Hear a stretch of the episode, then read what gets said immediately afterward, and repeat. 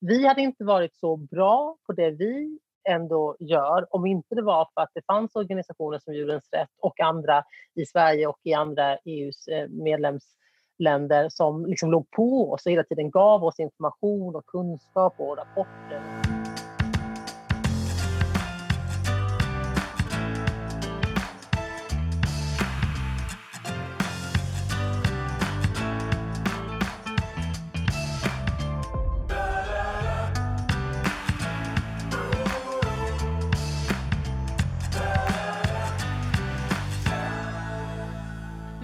Otroligt glada över dagens gäst som kanske egentligen inte behöver någon större presentation.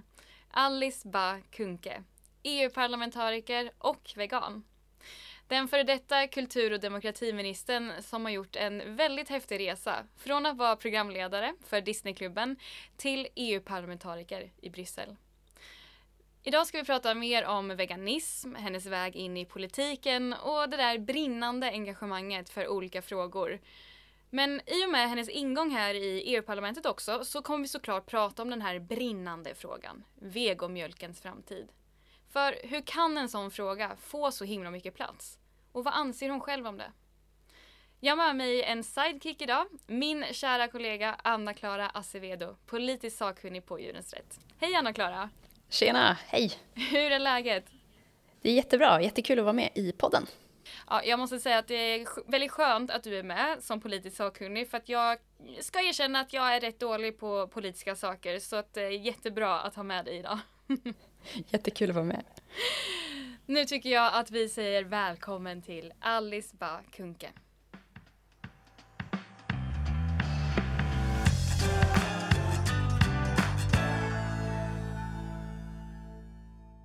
Glöm inte att prenumerera på podden så att du inte missar ett enda avsnitt.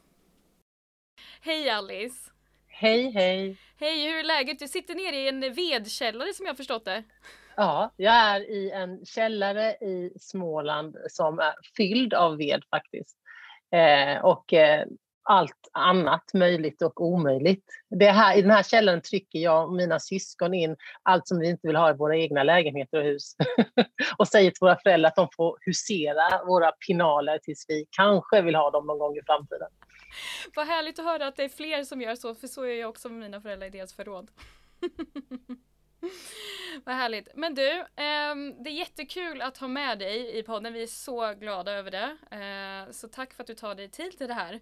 Och du är en så intressant person på så många olika sätt. Dels för att så här, du har haft så himla många olika jobb innan du ens gav dig in i politiken och innan du blev kultur och demokratiminister. Men hur liksom, är det med politiken? Har det alltid varit en, en självklar väg för dig att gå?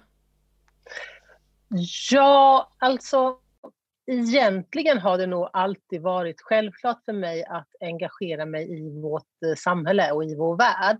Sen har jag ju inte vetat sedan jag var ett litet barn att det var just i politiken och som heltidspolitiker jag skulle verka. Men jag har ju alltid haft ett eh, stort eh, samhällsengagemang sedan jag var ja, men sen jag var kanske tre år och gick med i så här, kyrkans barntimme och där vi talade om världen. Mm. Ja, vad häftigt. Och du, vi ska komma in lite på, för att det här med veganismen tycker jag som jobbar med Velvego är väldigt intressant. Eh, och dig. Och 2018 så intervjuades du i, i vår tidning, i Djurens Rätts tidning. Och då hade du hunnit vara vegan i ett år. Och det var ju då som jag förstår det, jag lyssnade på lite intervju med dig, att det var efter många år som vegetarian också som du faktiskt tog steget till att, steget till att bli just vegan. Och som jag förstått det så var osten extra svår att, att ge upp som det är för många av oss när man går över från en vegetarisk kost. Men vad var det som liksom gjorde att du valde att, att gå den här veganvägen, som jag vill kalla det? Ja, alltså då måste det vara så och jag minns ju inte exakt, jag brukar säga så här, ja, några år. Eh, sådär. Och det var ju för att det var en, en sån eh, eh, långsam men tydlig urfasning som vegetarian. Eh, att sen bara sluta mer och mer med liksom, animaliska produkter. Och för mig så är det framförallt tre stora eh, skäl eh, som, eh, liksom, utan inbördes ordning som handlar om, om djuren och djurhållningen. Alltså, ju mer kunskap jag fick om hur vi faktiskt eh, eh, tar om hand eller inte tar om hand eller hur vi behandlar eh, djur, eh, desto svårare blev det för mig att liksom bidra till, till, den, eh, eh till den eh, industrin.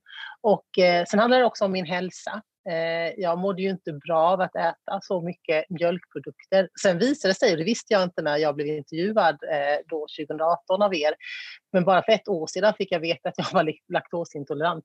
Så det kan ju också ha förklarat saken att jag mådde väldigt dåligt av att trycka i mig eh, eh, yoghurt och ost och sånt som jag gjorde eh, eh under eh, många, många år då, eh, innan 2017.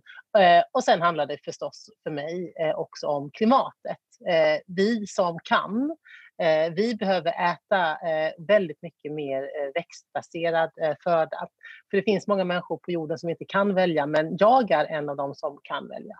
Så de här tre grundläggande skälen ligger bakom min eh, veganism. Och sen var det inte någon stor det var liksom ingen stor förändring. Om man är vegetarian, har varit det i många år och sakta men säkert liksom märker att jag Eh, och det var väl undermedvetet då att jag bara tog bort mjölkprodukter. Liksom.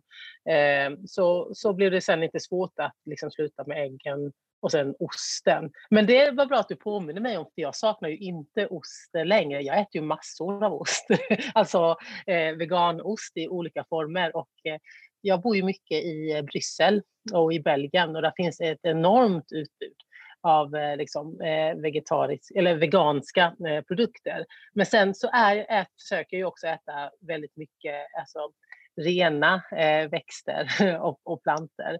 Jag, försökte, jag, har, jag har haft och har ibland perioder där jag äter mycket liksom, halvfabrikat av veganska produkter. Men jag försökte äta mer och mer liksom, eh, rent eh, och obehandlad.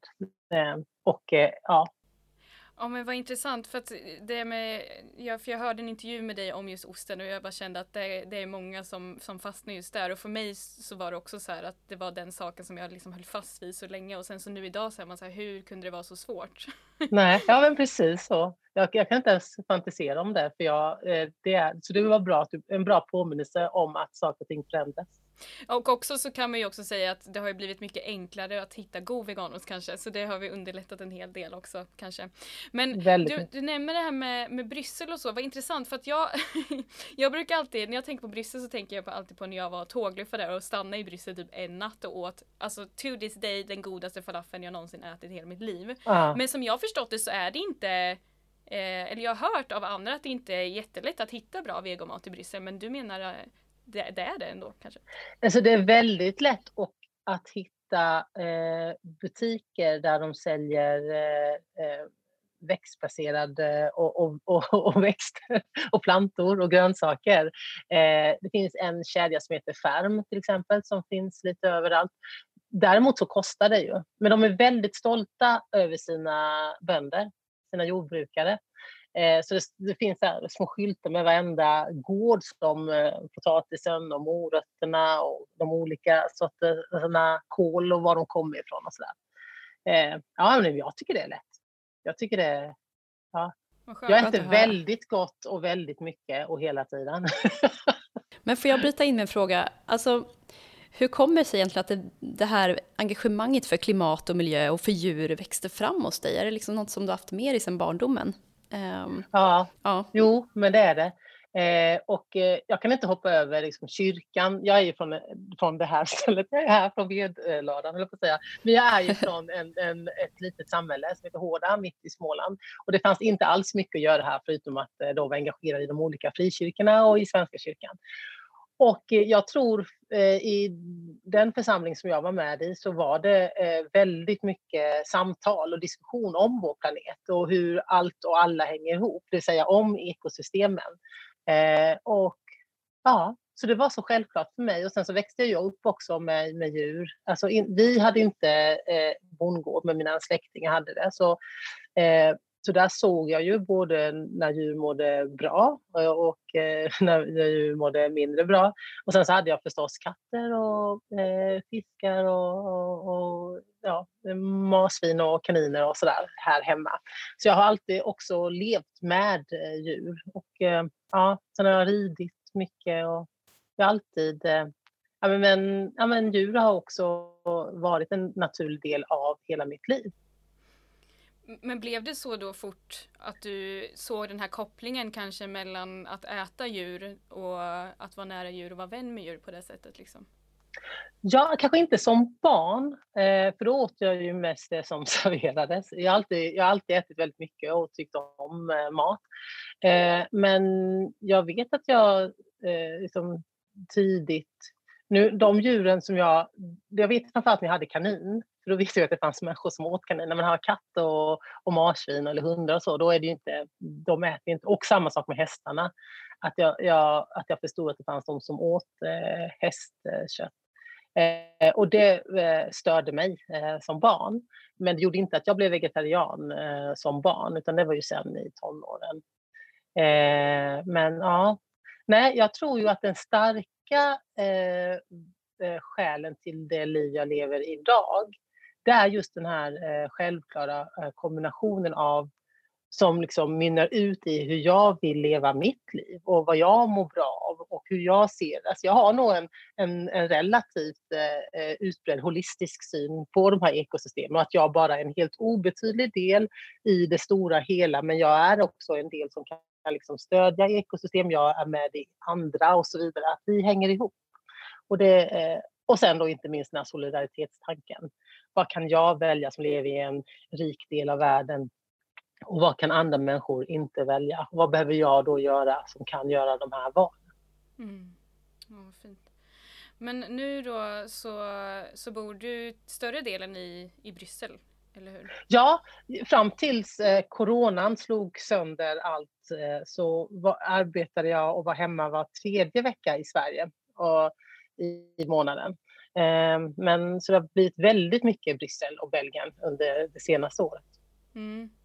Jag blir lite nyfiken på ändå så här hur det ser ut bland typ dina kollegor. Alltså finns det många veganer bland er? Är ni, är ni en vegantrupp eller hur ser det ut bland kollegorna?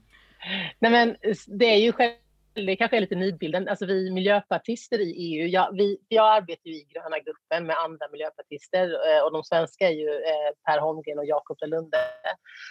Och sen så ehm, är vi då eh, ungefär 70, 72 ytterligare miljöpartister från andra EU-länder. Och vi är sannolikt, vill jag lova, den gruppen med flest veganer. Det är ungefär som Miljöpartiet hemma i Sverige och i Sveriges riksdag.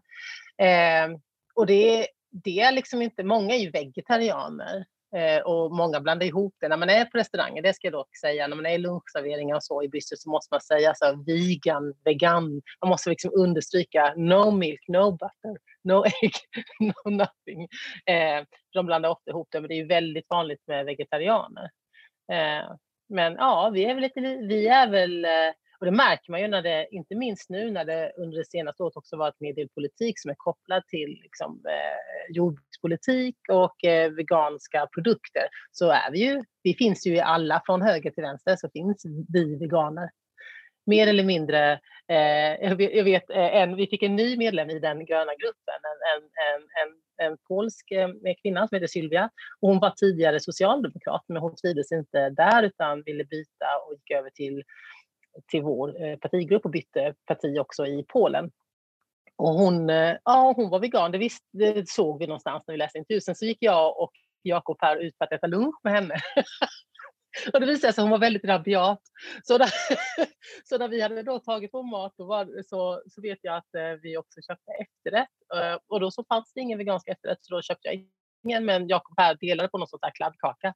Hon bara “What are you eating?” och de var så här “Ja, kladdkaka”. It's egg in it! It's egg in it! Och de bara yes, och då trodde de att, att, att hon skojade så vi började skratta lite såhär, ja yes it is.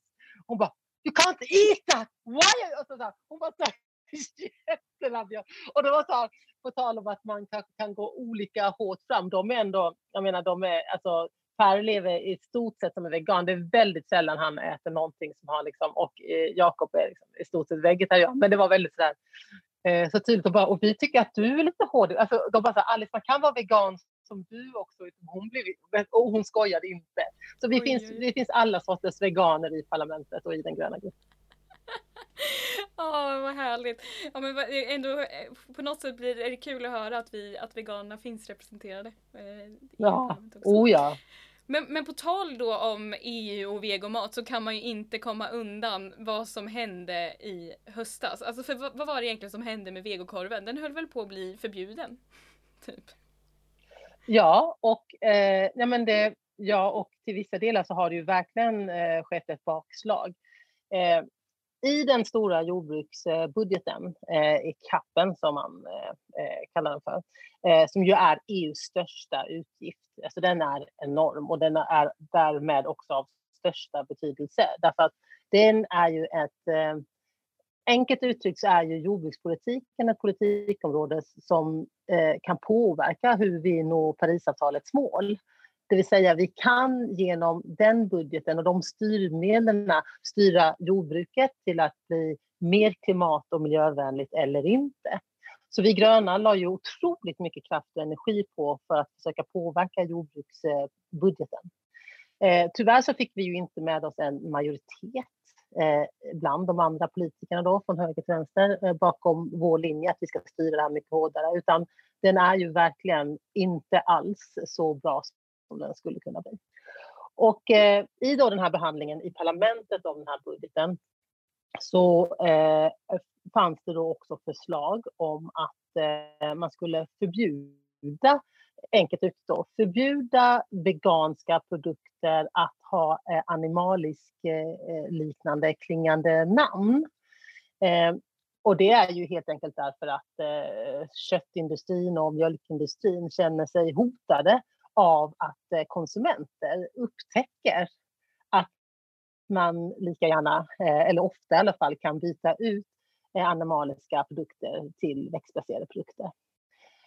Och just nu, så det hände då och tyvärr så fick också det genomslag i vad parlamentet arbetar fram. Men nu så håller vi då på med den stora slutgiltiga förhandlingen mellan parlamentet, kommissionen och rådet.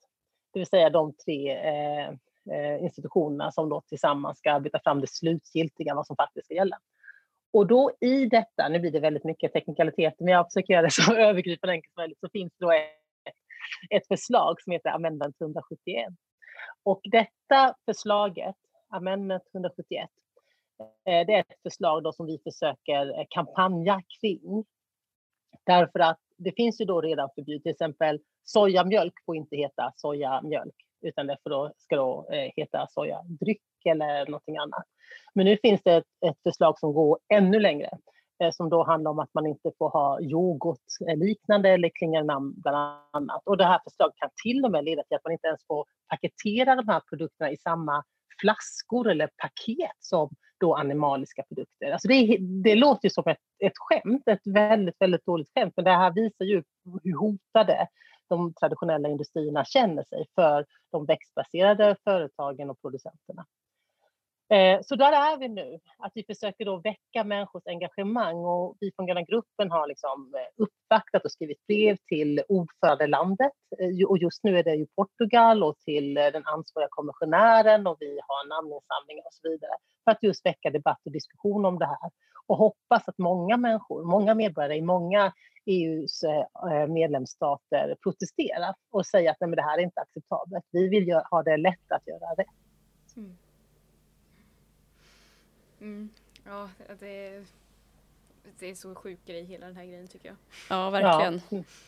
Väldigt viktig kampanj Jag har sett att det har delats bilder på sociala medier och vi försöker så gott vi kan också haka på det här för det är ju verkligen helt absurt. Um, men en följdfråga är väl lite, hur kan de här förslagen ta sig så långt in i, mm. i EUs institutioner? Hur kan de gå så långt? Uh, jag förstår ju att eh, de här krafterna är så väldigt starka. Ja. Men att de tar Nej, det... sig så långt är ju verkligen ja. uppseendeväxande, tycker jag. Ja, och det är en relevant fråga eh, och något som vi behöver tala om. Det handlar ju om att eh, de här intressena, företagen, alltså enkelt då sammanfattat köttindustrin och mjölkindustrin, de har otroligt starka lobbyorganisationer, alltså skrämmande starka lobbyorganisationer som har enormt mycket pengar. Och de har eh, eh traditionellt byggt upp eh, en relationer till eh, olika politiska grupper, inte så starka då till den gröna gruppen förstås, men till andra politiska grupper och till eh, politiska företrädare. Så de har ju möten med parlamentariker. Eh, de eh, har gemensamma konferenser och seminarier och så vidare. Så de, de påverkar sakta men säkert politiker som gör att politikerna sen trycker på knappar i den riktning som de vill ha dem. För det, det säger sig självt att detta är absurt. Är det inte bättre, det här är det rimliga, är det inte bättre att vi i vår del av världen faktiskt ser till att underlätta för entreprenörer och, och bönder att odla eh, eh och eh, producera växtbaserade produkter så att vi kan vara en del av omställningen istället för att fortsätta i, i samma gamla hjulspår som inte är hållbara. Eh, och det vore ju liksom affärsmöjligheter och framtidsmöjligheter för de här industrierna att ställa om och kunna finnas kvar.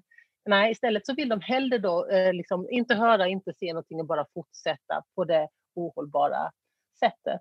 Så att ja, det är verkligen sorgligt och det är absurt. Och vi blir ju utsatta, vi som protesterar blir också utsatta för påtryckningar. Eh, ja, där de på olika sätt vill måla ut oss som extremister och galningar och som vill hota hela, hela jord, det traditionella jordbruket och så vidare. Men vi vill det motsatta. Vi vill skapa förutsättningar för bönder i EU, inklusive Sverige, att faktiskt odla och producera det som, som framtiden kommer behöva. Som mm. det kommer finnas en enorm efterfrågan på. Jo, vi känner igen det där från vår sida också. Ja. Man undrar hur länge de kommer orka fortsätta liksom. Ja. Förneka eh, vart världen är på väg. Men en ja. fråga är också, alltså, även om inte den här 171 nu går igenom så är det ju väldigt mycket som vi tycker är problematiskt med jordbrukspolitiken och det blir ju lätt så mycket fokus på de här frågorna men det är också de här jättestora bidragen som egentligen håller hela köttindustrin under armarna. Um, ja, det blir en väldigt ledande fråga men är det här problematiskt och vad kan vi liksom göra åt det som du ser på saken? Ja. Nej, men det första som vi måste eh, göra det är ju att, att tala om det och informera och upplysa om det och granska det eh, och kräva transparens. Eh, för det finns ju enormt stora pengar bakom och det är någon som tjänar pengar på att vi fortsätter att leva ohållbart. Eh, stora pengar. Eh, så det är ju liksom det stora, att vi, som nu, att vi pratar om det, berättar om det. Så här går det till. Det här sker just nu. Eh, och det är just därför också då hela jordbrukspolitiken är så, så känslig. Eh, och det är också därför det är så sorgligt då att vi inte får med oss en majoritet som vill förändra den på riktigt.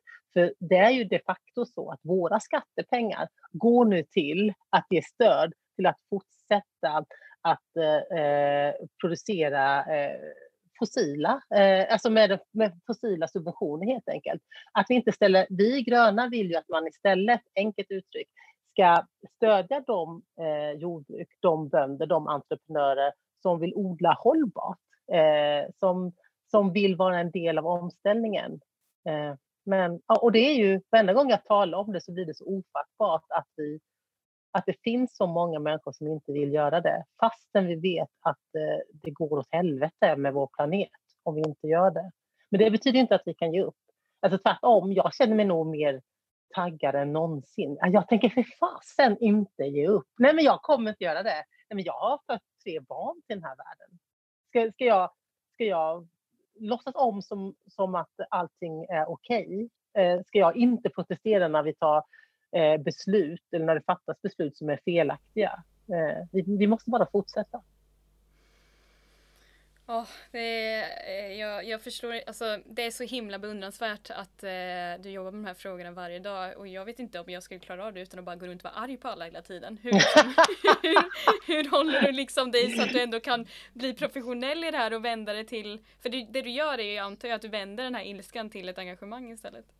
Har jag ja, hört att folk gör men, som är duktiga på det. jo men så är det ju, man blir ju väldigt arg och frustrerad och ledsen emellanåt men Sen är det ju så häftigt att vara folkvald. Att jag är skickad till Bryssel eh, med liksom en jättetydlig to-do-lista. Jag ryser varenda gång jag säger det. Så att jag, det gör ju mig glad. Alltså jag representerar ju eh, nästan 500 000 väljare. Så, så svenskar som faktiskt har sagt att åk till Bryssel och kämpa för, för mer vegomat. kämpa för att vi ska ställa om jordbruket. Kämpa för att vi ska leva mer hållbart. Alltså, och det där är ju så stort. Så det ger ju mig enorm eh, glädje och kraft i att fortsätta även om det är ett, ett liksom, eh, emellanåt eh, nedslående möten och val eller röstresultat och så vidare. Men fint och starkt att höra tycker jag. Mm. Det händer ju också ganska mycket spännande. Jag tänker så här det här medborgarinitiativet som ja. eh, End the Cage Age, som, som ja. ska behandlas av kommissionen nu. Eh, om, som handlar om burarna inom livsmedelsindustrin och att djurför, djurskyddsföreskrifterna ska ses över på EU-nivå, tycker mm. vi är väldigt bra. Så en fråga är väl ändå, det finns väl hopp? Det finns väl hopp där ja. ute? Ja, och det medborgarinitiativet är ju eh, fantastiskt hoppfullt. Eh, alltså, att eh, kunna ta medborgarinitiativ, det är ett av de verkligt eh, gyllene demokratiska verktyg som finns i vår gemenskap i EU. Det är ju att man då ska samla minst en miljon namnunderskrifter från minst 18 av de 27 medlemsstaterna. Och eh, just det här medborgarinitiativet fick ihop, jag tror det var närmare 1,4 mm, miljoner. Mm.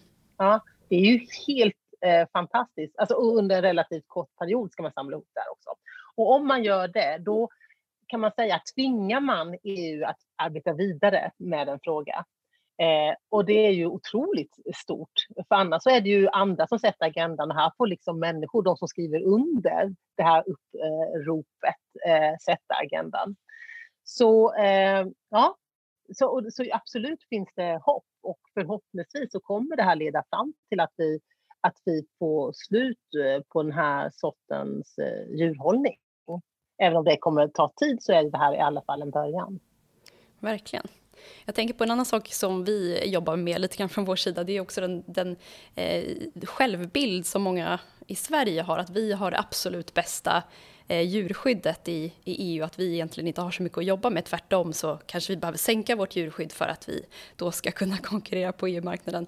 Ändå så tillåter ju vi i Sverige att hönor hålls i burar bland annat och att minkar föds upp för att bli päls, till skillnad från många andra länder inom EU där det är förbjudet. Ehm, men skulle du säga att svenska politiker generellt är de som driver på för ett starkare djurskydd i EU, eller hur ser det ut egentligen? Vart kommer engagemanget från? Ja, eller jag skulle säga att engagemanget kommer ju framför allt från eh, civilsamhällesorganisationer, alltså NGOs, eh, sammanslutningar som, som Djurens Rätt och andra, alltså från människor, från olika då medlemsländer. Men eh, i Sverige som i, i, andra länder så är det ju människor som ligger på politiker som skickar med oss i våra to-do-listor när vi går till val. Och då ser det ju väldigt, väldigt olika ut hur långt man är beredd att gå bland de svenska politikerna också. Men eh, den här, som du inledde med, den här självbilden som så många svenskar nog har, att vi är bäst på väldigt mycket, den eh, är ju tyvärr ibland ett hinder på vägen. Därför att vi, jag känner att jag ofta, det kanske är som miljöpartist, men ofta får jag berätta för människor, nej men så är det faktiskt inte. Vi är inte bäst i världen på det här och det här och det här, och det här utan det finns många länder som är bättre än oss. Och precis som du sa, det finns ju länder som där eh, ju minkuppfödning är förbjudet. Eh, eh, och i Sverige är det ju till exempel inte det och inte heller, ja du tog några fler exempel. Hönor, det finns ju många, ja, hönor, mm. ja, ja, ja. Så det finns ju många exempel där vi i Sverige måste bli väldigt, väldigt mycket bättre. Och nu har, det ju, nu har vi ju lyckats med, eh, vi har ju ett särskilt nu utskott, ett, ett, eh, ett, eh, det kallas för tillfälligt utskott, men det är ett utskott som nu kommer fortsätta arbeta fram till årsskiftet, om jag minns rätt, som, eh, som bland annat kommer hantera frågan om om djurtransporter. För det är också en sån fråga där, där många länder behöver bli väldigt, väldigt eh, mycket bättre. Eh, och vi arbetar ju med de här frågorna på, från många olika håll och kanter och alla utskott vi kan. Därför att vi har en, en lång, lång väg att gå. Och dessutom så är det ju så att även om ett land eller två länder eller tre eller fem länder är lite bättre än, än flera andra så är det ju produktion som sker i de här sämre länderna och de exporteras sen till de här bättre länderna.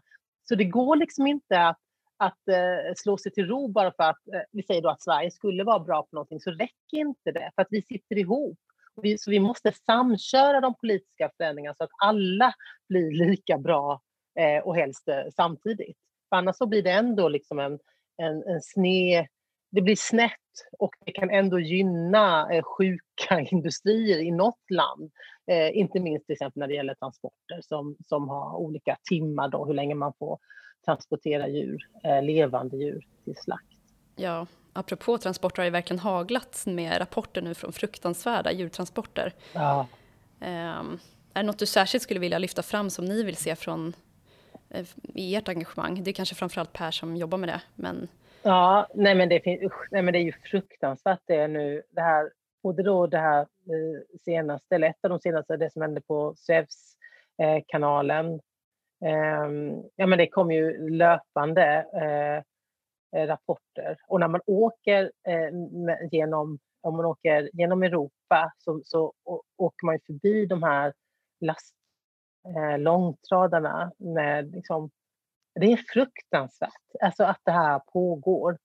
Eh, och att vi tillåter det pågå, att vi blundar för det, att vi inte förstår också samman, sambandet mellan att, att djur eh, kläms ihop Eh, under fruktansvärda förhållanden i, i, i många många timmar eh, eh, i lastbilar och forslas liksom eh, långa eh, sträckor. Och sen så köper vi liksom eh, fint paketerad skinka eh, liksom i våra fina matbutiker med dämpad belysning, jag på säga. Men det är, så, det, är helt, det, är ju helt, det är ju helt absurt. Man kommer ju inte förstår detta förhoppningsvis inom en snar framtid att vi tillät detta pågå.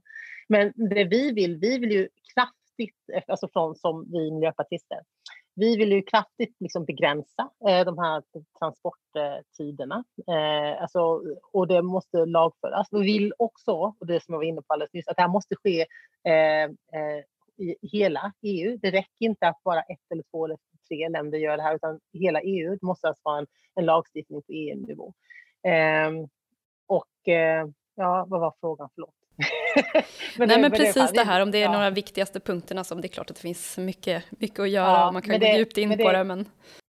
men det är en av de stora som vi måste få stopp på och bukt med nu. Verkligen. Ja men på, på, tal om så här djurskydd och EU så, så du är ju, sitter ju som vice ordförande i, eh, i, vad säger man, den gröna gruppen som det så fint ja. heter. Ja, i EU-parlamentets gröna grupp. Men, eh, och som jag har förstått, som är, alltså jag ska erkänna, jag är sjukt dåligt insatt i politik själv, men den är ganska stark just nu va? Ja, och framförallt där, varför vi är så starka. Alltså vi är ju inte en av de största grupperna i parlamentet, vi är en av de eh, på hälften mindre grupperna. Eh, för de största är de konservativa EPP och sen kommer eh, SOD, Socialdemokraterna och så vidare. Men vi är ju väldigt starka och har stort inflytande därför att det går så otroligt bra för de tyska gröna. De är ju största parti i Tyskland och Tyskland är ju EUs motor. Och det som sker i Tyskland påverkar hela EU. Och nu är det val i Tyskland i eh, september. Eh, och beroende på utfallet där och om de gröna bildar regering. I senaste mätningen var de större än CDU, alltså Angela Merkels parti som, alltid, som under lång tid har varit det största. Så ja, på det sättet har vi både ett då, eh, direkt men framförallt också ett indirekt inflytande på politiken. Men vad tänkte du fråga? Ja men då är det väl det som blir intressant då för oss framförallt. Det är intressant på många sätt. Men eh, då undrar man ju liksom vilka frågor som den gröna gruppen och ni från Miljöpartiet just nu liksom driver på för att få just ett stärkt djurskydd inom EU. Ja, men det handlar ju om att vi, ja, men dels så måste vi ju då gå rakt på djurtransporterna för att de är fruktansvärda. Och, det, och en sak är att även om det finns lagstiftning i en majoritet av länder som är liksom på något sätt ändå inte, eller som är på något sätt acceptabel, så följs inte regelverken. Så vi både, måste både ha tuffare lagar och regler på plats. Sen måste vi ha kontroll. Och det här är någonting som vi har fått kämpa med jättelänge också, som var, diskuterades under förra mandatperioden. Men vi måste ha de här kontrollerna på plats, för så länge det bara finns lagar som ändå många struntar i så spelar det ju ingen roll. Eh, och just och just nu, vi får ju också löpande rapporter om att det liksom bedrivs en sorts eh, svarthandelkörning där man då eh, misshandlar djur eh, och tar dem till slakt. Eh, och, eh, eller där man kör i åtta timmar eh, och sen bara gör en jättekort paus och sen fortsätter i åtta timmar till, kort paus, åtta timmar till, med ingen avlastning för djur. Ja, men allt det här. Så mer kontroll på plats, det är liksom två eh, så här, klockrena saker som vi måste förändra. Jag tänker på en sak som vi kan känna oss frustrerade över, både då i Sverige och på EU, att djur, frågor som rör djur och djurskydd hamnar så långt ner på eh, dagordningen. Trots allt, det är mycket annat som alltid prioriteras över de här frågorna. Eh, just nu pågår en kampanj inom EU för att få till en kommissionär med tydligt ansvar för för djurskyddsfrågorna utskrivet i titeln. Tror du att det här är någonting som skulle kunna få upp frågorna högre på agendan? Ja, det tror jag.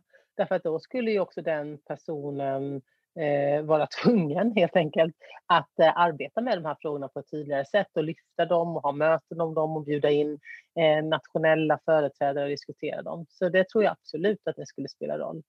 Eh, ja, det är jag övertygad om. Eh, men det är precis som du säger, den prioriteras hela tiden ner. Jag hade ju hoppats på, när man också såg den här tydliga klimatkopplingen och att vi alla vet, eller borde veta, att vi lever i ett klimatnödläge, eh, att man då också skulle titta ännu djupare och våga ta tuffa beslut om eh, jordbrukspolitiken och därmed också se på djuren i jordbruket. Men det verkar ju vara för långa steg för allt för många att förstå hur det hänger ihop. Men eh, ja, det är likadant med den här frågan. Vi får liksom inte ge upp bara därför. Eh, och jag tror att det kommer aktualiseras mer och mer ju, ju högre medvetande en allt större del av vår befolkning får.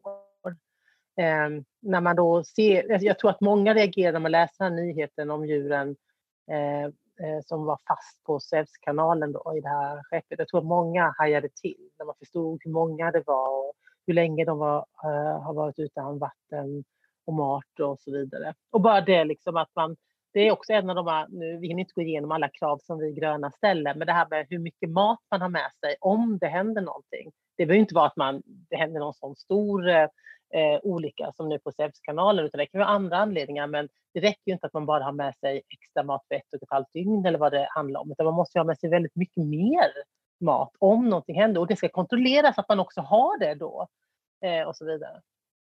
Och överhuvudtaget att frakta levande djur, ja listan är lång. Ja, gud. Eh, det finns mycket man, eh, man vill jobba med såklart. Och, eh, alltså en, en sak bara, så jag som sagt inte kan politik så mycket, men var, varför kommer det sig, bara en parentes, varför kommer det sig att djurskyddsfrågor hamnar så långt ner? Är det liksom, har det med pengar att göra eller vad handlar det om? Ja, ja men till syvende och sist enkelt, det skulle ingen erkänna. Jag bara ja, men, och de skulle andra bara nej. nej. men, nej men, ja men det är väl lika bra vi talar klarspråk. Till syvende och sist så handlar det ju om pengar.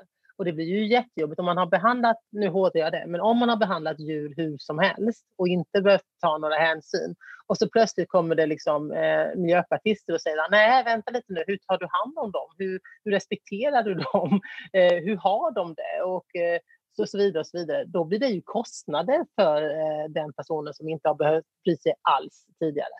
Eh, sakta men säkert genom årtiondena har det ju liksom satts in regelverk, men vi är ju ännu inte framme. Det är fortfarande alldeles för stor del av de, de eh, djur som lever i EU som lever under, enligt mig, oetiska förhållanden. Eh, så att ja, det finns, eh, det finns mycket att göra. Jag tycker ändå det känns väldigt hoppfullt att höra dig prata om det här. Det känns att ni har ett starkt engagemang för de här frågorna, vilket tycker jag stärker också i det vi gör, att det finns bundsförvanter, om man säger så. Ja, ja men det, och det ska jag säga det jag sa innan på hur det var det som skapar förändring. Jag tror ju inte att vi, och jag tror inte att några av de andra partigrupperna heller, hade eh, varit vi hade inte varit så bra på det vi ändå gör om inte det var för att det fanns organisationer som Djurens Rätt och andra i Sverige och i andra EUs eh, medlemsländer som liksom låg på oss och hela tiden gav oss information och kunskap och rapporter och som, och som gjorde att, att de som har röstat på mig eh, och oss är engagerade i de här frågorna, för de hade inte heller haft den här kunskapen och förstått vilka de skulle rösta på. Så att det, det hänger ju ihop. Eh, och jag tror inte att, jag menar, jag kan ju sitta och diskutera med någon konservativ gubbe som är helt ointresserad och bara vill fortsätta som förr fastän det är helt ohållbart. Eh, han bryr sig kanske inte så mycket om mig som en, liksom en politisk motståndare. Men om han blir uppvaktad av eh, människor eh, eh hemma eh, eh, där han kommer ifrån lokalt, då eh, är ju sannolikheten större att han lyssnar på dem. Så att eh, ja, ni spelar den största av roller. Vad fint. Ja, fint att höra. Jag vill säga detsamma. Tack eh, för att du gör ditt jobb.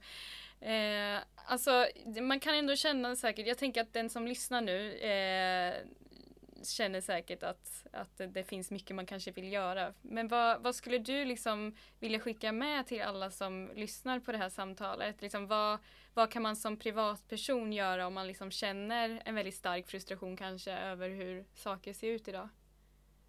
Jag tror att det första man ska göra är att eh, skaffa sig kunskap att läsa på. Därför att då har man ändå på fötterna när man sen går in i diskussioner eller går in i någon chatt eller sådär, eller är på sociala medier och diskuterar de här frågorna. Ha liksom fakta eh, på fötterna, det är det första. Eh, det andra jag tycker man ska göra, eller det är kanske delad första plats, det är att organisera sig. För om man organiserar sig då kan man också dela kunskap och man kan få kunskap av den organisationen man går in i eller går med i. Och man möter andra som också är engagerade. Så jag, när jag ändå, ett, organisera dig. Rätt. Två, skaffa dig kunskap och dela den med andra. Och vänd och vrid på det. Allt är ju inte svart eller vitt. Jag har liksom hårdragit saker också för att tydliggöra och förenkla. Men Eh, eh, det finns liksom grader i helvetet, ja, och de ska ju förstås beakta. Eh, men sen måste vi liksom se vad är det som gör, gör mest skillnad snabbast för eh, djuren, för klimatet och så vidare.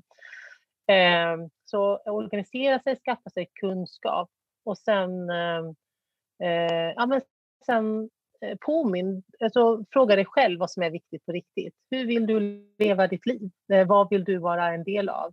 Vi ja, men om hundra år så kommer ingen ihåg att vi fanns eller satt här och pratade. Alltså vi, vi, är, här, vi är ju så här, eh, meningslösa i det stora hela. Men vi kan ju fylla den här tiden med en massa mening. Vi kan vara med i, eller vara en del av en rörelse som i sin tur kanske verkligen skriver historia. Hur häftigt är inte det?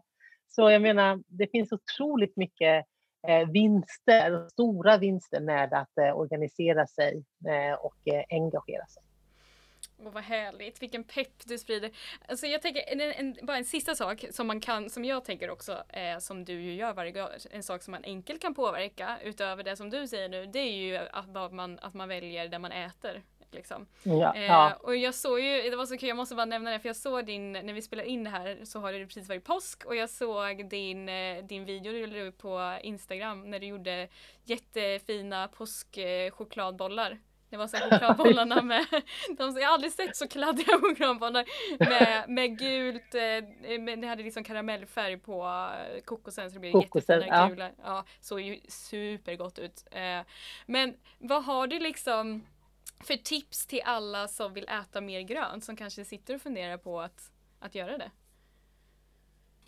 Ja men bara gör det. Alltså, och det, nu är det så konstigt när man, när man, men jag tänker att det finns det finns så mycket gott. Börja med dem med det enkla. Och, och det finns ju, jag menar, som vad är det jag alltid eh, ger mina barn som de tror är kyckling. Nej, det är, så chicken, det, det, är de tror att det är chicken nuggets, vilket jag aldrig skulle ge dem. men, men de tror det. Alltså nej. Jag köper sådana här nuggets som är liksom veganska nuggets. Det finns, nu vet jag inte om det, jag vet vad, det finns säkert här i Sverige också, men vi köper det i Bryssel hela tiden. Det är, som, det är veganska nuggets. Eller så gör jag det själv, liksom med, med soja, till exempel med sojabitar och så. Mm, mm. Liksom, vad heter det? Ja, ni vet vad jag menar. Mm. Alltså panerade... Men, men jag kör, ja, mm. ja jag panerar. det är panerade bitar. Mm. mm. Det smakar tror jag, för de märker ingen skillnad. Eh, så jag menar, det finns så mycket enkla sätt att liksom fasa ut och likaså med eh, köttfärs. De, jag, jag, jag, kallar ju också allting, jag protesterar mot de här lagarna. Jag kallar allt för eh, köttfärs för mjölk, och jag, fast det inte är det. Jag säger att jag äter äggröra, jag säger, men det är liksom någonting annat. Men jag, jag, jag använder alltid de här namnen. Jag vet inte, det kanske är dåligt, men jag vet inte. Jag använder de namnen fast det är ju helt veganskt. Men gör det enkelt. Eh, ta, börja byta ut eh, tacofärsen, liksom. Eh, börja byta ut den. Ingen kommer märka någon skillnad. Eh, eller mina barn gör i alla fall inte det. Och sådär, så det tror jag är ett sätt. Eh, och sen fasa ut. Man behöver inte gå från... Jag, har, jag känner nog ingen som blev vegan från att ha ätit kött och druckit mjölk och sen bara nästa dag. Och sen om det har hållit. Utan eh, jag tror att mitt sätt är att liksom vara vegetarian, sakta byta ut, byta ut, byta ut, byta ut. Och sen så bara är man ju där. Eh, ja, det är, så det är, det är lite ett eh, lite argument och sånt hemma med maten då eller? Att du, att du, ja. ja för min man äter ju kött. Eh, han, dock äter han ju vilt, men eh, han äter jättemycket eh, vilt. Eller jättemycket säger jag. Han skulle bara säga, han bara, jag äter nog mindre än alla andra. och han är inte här så han kan försvara sig heller. Nej, han kan inte försvara sig. Men han äter eh, kött. Eh, även om han eh, förstås, eftersom vår bas är det veganska. Alltså vi äter ju, och, och mina barn eh, äter ju eh, också kött då, blir det ibland. Men of, de vet inte om att, jag menar, jag lovar, av veckans liksom, sju dagar är liksom fyra eller fem veganska. Men de märker inte det för att det är liksom Eh, alltså det är liksom, eh, kanske ugnsbakade rotfrukter, det är lite röror, det är sallader och så vidare. Så de, det liksom märks inte så. Så vi har liksom köttet då, min mans eh, kött.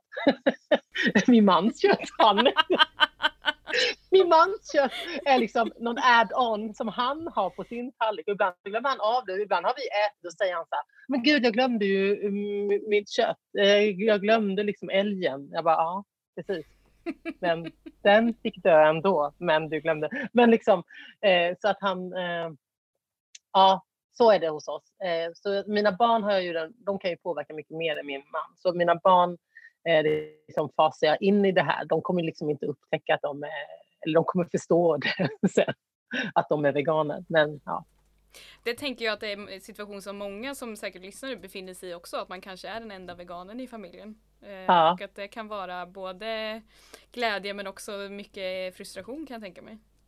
Fast då tycker jag att det här med att man har, om man då kan förhandla sig till att det veganska ändå är basen, så att veganen alltid kan äta. För det väger, jag vägrar ju liksom sätta mig att vi äter middag, för vi äter ändå middag ihop varje dag. Uh, och att det jag inte skulle kunna äta eller att jag ska behöva stå och göra något extra, då är det bättre att vi alltid, man ska, och det är ju lyxigt, men vi har ju alltid liksom grönsaker, liksom, någon rotfrukt. Alltså det finns ju ofta liksom ris eller pasta eller eh, och, ja, och väldigt mycket, jag menar vi äter helgfrukostar och så, liksom i stort sett allt bröd är veganskt. Eh, eller hur? Och vad spelar det då för roll om vi köper, jag menar nu köper jag det eh, smöret vi har, det är veganskt smör, som jag kallar det. Så att jag menar, det är ju, det är ju, ja.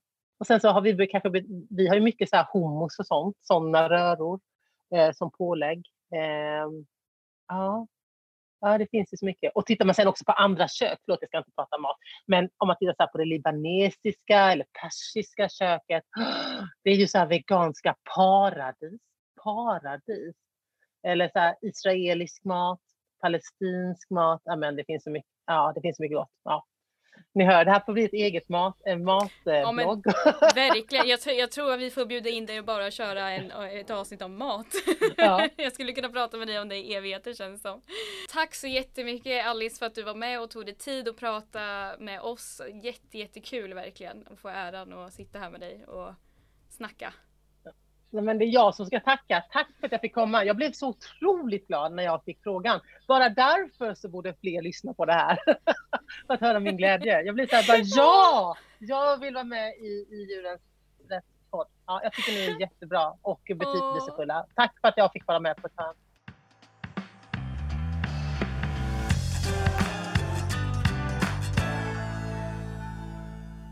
Du vet väl att du kan se våra poddvideos på vår Youtube-kanal?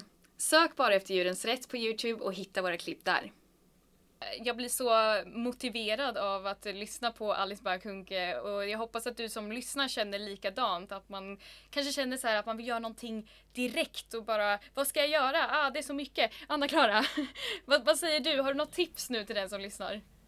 Ja men absolut, jag tycker att om, om du som lyssnar känner dig pepp på det här med en slags djurskyddsminister på EU-nivå så ska du absolut klicka dig in på eu4animals.eu-sv ehm, så får du den svenska sidan för den här kampanjen då.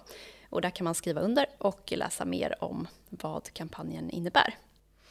Precis, och det finns ju som sagt det finns mycket att göra. Det där är bara en av sakerna. En, en annan viktig sak som man kan göra för djuren det är ju att bli medlem i Djurens Rätt. För att på det sättet så hjälper det oss att hjälpa djuren. Och en annan sak nu som du också kan göra, för vi pratar med Alice om mycket om mat och sådär om veganism, det är ju faktiskt att anta vår utmaning kycklingfri fredag. En väldigt enkel sak att göra för djuren är att välja bort dem från tallriken. Så gör som Alice Bakunke och eh, kör mer veganskt.